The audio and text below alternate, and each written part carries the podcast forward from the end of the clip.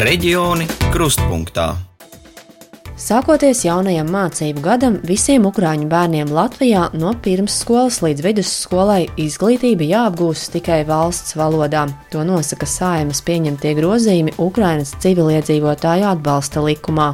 Šobrīd Latvijas skolās mācās teju 4400 ukrāņu skolēnu, no kuriem 1200 pirmskolas izglītības iestādēs un līdz šim lielas izmaiņas skolēnu skaita ziņā nav novērotas, atzīst Izglītības un zinātnes ministrijā. Apmēram 50 vai 100 skolēni mēneša laikā vai nu nāk klāt vai aizbrauc prom, šāda tendence, ka apmēram 4000 skolēnu ikdienā ir izglītības iestādēs, ir patiesībā nemainīga. Kā notiek mācības Ukraiņu skolēniem vienā no skolām Latgalē, kurā mācās visi latviešu valodā? Vai viegli padodas valoda un ar kādām grūtībām saskaras gan skolēni, gan pedagogi? Par to plašāk tuvākajās 15 minūtēs. Ar jums kopā Lāsma Zuta Vītola un kolēģe Karina Važnaja. Mēs jums atnācām ciemos jūras. Labdien! Reizeknas 5. pamatskola, 1. klase, stundu vada skolotāja Ilona Gabrusāne. Šajā klasē mācās četri skolēni no Ukrainas, un mācības notiek kopā ar pārējiem skolēniem. Bet mums, protams, ir arī ne tikai no Ukrainas, bet arī daudzi krievalodīgie bērni. Līdz ar to mēs mācāmies lasīt. Visi kopā, protams, kā arī tulkojot, runājot bieži vien bilingvāli. Tā lai bērniem būtu no tām mācībām kaut kāda jēga un sapratne. Trīs, četri sākam! Koka ir mana guļamistaba. Tagad mēģināsim mēs atkal iztulkot, lai saprastu. Kokā ir mana guļamistaba. Pilnīgi pareizi. Dzērve, моя спальня. Гулямистaba, Данила, Микола, Полина, гулямистaba. Там, где спят, гулēt, spать. Ja? Cenšos visu laiku rādīt visu laiku tulkot. Arī tagad man teiksim, tie paši ukrāņu bērni, viņi vairāk saprot nu, ne tikai krieviski, kad mēs iztulkojam, ja, bet arī kaut ko latviešu. Neteikšu, ka pārāk daudz, protams, ka nē, minimāli, bet mēs kaut ko maziem uz priekšu solīšiem ejam. Ir bērni teiksim, no Ukrāņiem, tie, kuri gāja pie mums aprīlī, maijā. Viņi uh, apmeklēja pirmskolas izglītības iestādes, viņi iesāka mācīties. Viņi jau bija iesākuši butuļus mācīties. Un pavasarī, teiksim, pilnveidojot, jau septembrī vismaz kaut kas bija zināms. Tie bērni, kuri atbrauca tikai septembrī, viņi praktiski nu, nezina neko. Reizeknas pilsētas skolās šobrīd mācās ap 50 bērniem no Ukrainas. Lielākā daļa teju 30 Reizeknas 5. pamatskolā. Mani sauc Marija. Nu, es jūtos labi. Es čuču sapratu latviešu. Marija kopā ar vēl divām meitenēm mācās 8. klasē. Meitene jau pagājušā gadā divus mēnešus mācījās Rēzaknes skolā. Līdz ar to, kā pati atzīst, šis gads sācies krietni vieglāk. Jā, kaut kas padodas grūtāk. Mēs kaut ko varam nesaprast, bet es lielākoties jau saprotu, ko saka skolotāja un ko grib pateikt. Viņi cenšas mums iet pretī un tulkot, kaut gan arī viņiem ļoti grūti, bet es tieku galā. Dažu mācību priekšmetu programmas atšķiras no mūsējām, bet mums laikam ir paveicies, ka mēs jau to septītajā klasē esam mācījušies, un pirmais mēnesis padodas pietiekoši viegli.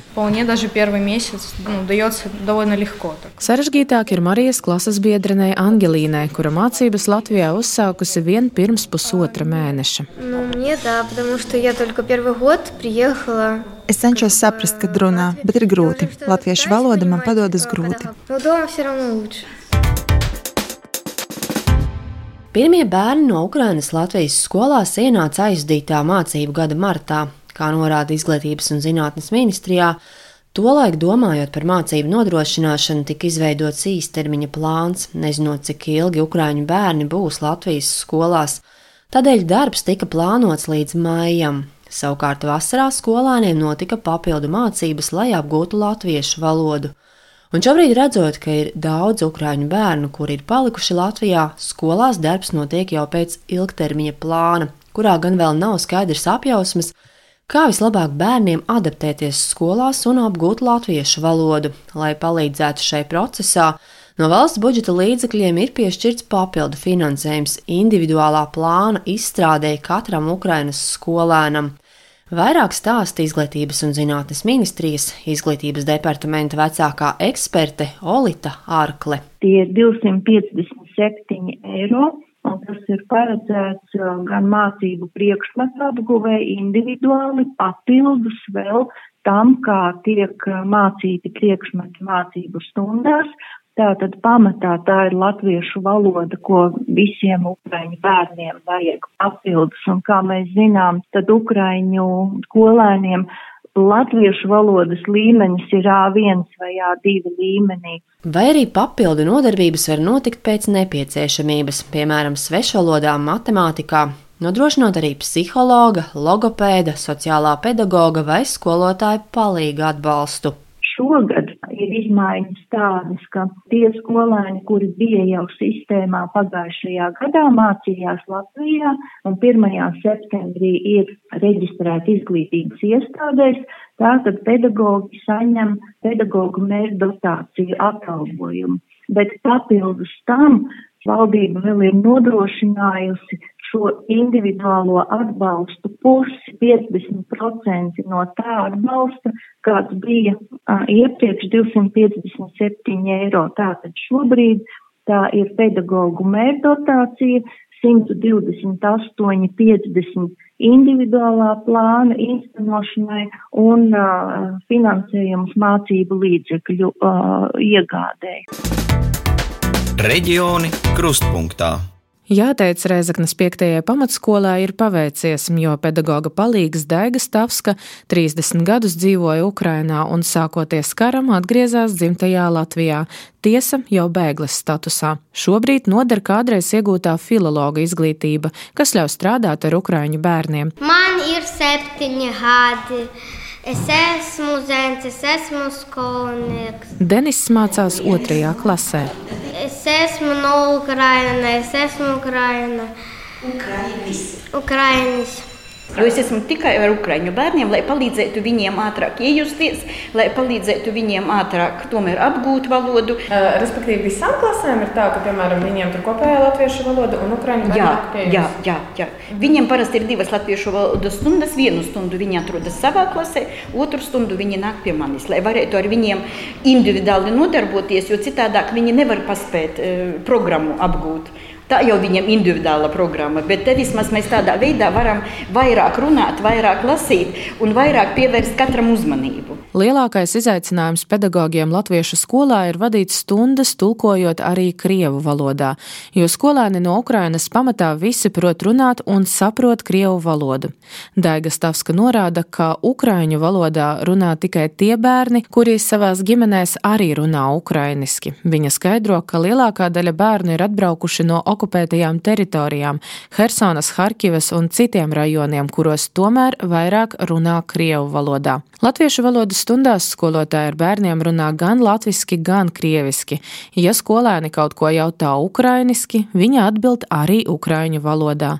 Taču komunikācijā ar ukraiņiem tomēr dominē krievu valoda. Grūtākais ir tas, ka pedagogam jārunā divās valodās. Ja vēl vecākie paši ieiet internetā, paši nu, var nokopēt uzdevumu un saprast tēmu. Jaunākajiem tas vēl neizdodas. Viņam vajag tomēr izskaidrot, lai viņi saprastu. Un tāpēc, protams, tā e, bilingvālā apmācība ir grūti. Tagad visgrūtāk man liekas skolotājiem. No bērniem vienkārši grūti iejusties un saprast. Jo vecāks bērns, jo viņam ir grūtāk. Jo jaunāki viņa ātrāk adaptējas. Jo mums jau tagad viena ģimenīte aizbrauca, dēls 9. klasē, meita 7. Viņa atteicās iet uz skolu. Es, es neko nesaprotu. Visu. Viņa mamma saka, ka es nevaru vairs neko pretoties, jo viņa man vienkārši uz skolu neiet un viss.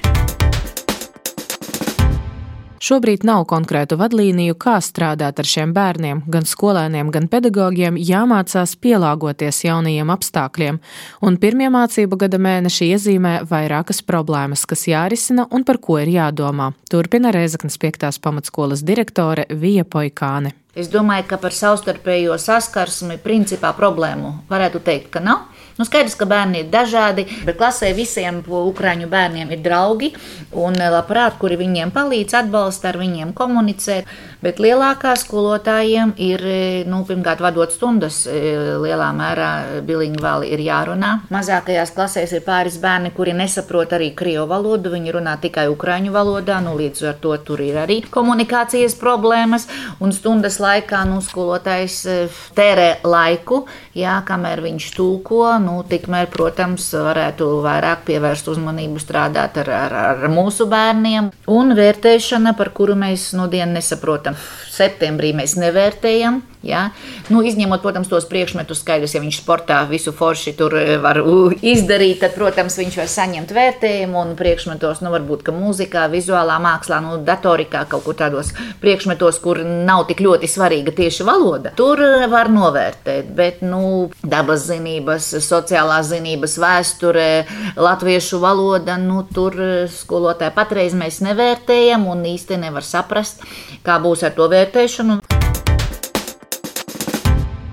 Taču runājot par valodu, ministrijā gan norāda, ka skolām ir jāveicina latviešu valodas lietošana īpaši stundu laikā. Skolotājiem nav nepieciešams savu pateikto tulkot, piemēram, krievu valodā.